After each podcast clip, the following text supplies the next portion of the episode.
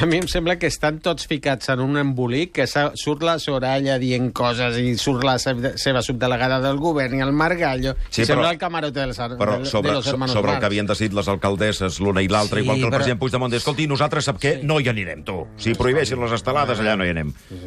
Què li sembla a vostè, això? Home, a mi em sembla, mm, jo no comentaré de l'alcaldessa de Madrid, i en quant al president de la Generalitat de Catalunya, a mi m'agradaria que ell no fes causa d'una qüestió que hauria de ser més de debat, de tertúlia, eh, una mica... Eh, o sigui, que no té la importància perquè el president de la Generalitat faci... A més, per una bandera que no és la bandera catalana, perquè si fos la bandera catalana, els primers nosaltres també. Escolti, però què estan dient? De, però amb una estelada, que és una qüestió que li agrada a la meitat o, o una mica menys de catalans, doncs el president de la Generalitat no l'ha d'agafar com la seva pròpia bandera, em sembla, eh? per no assistir a un partit.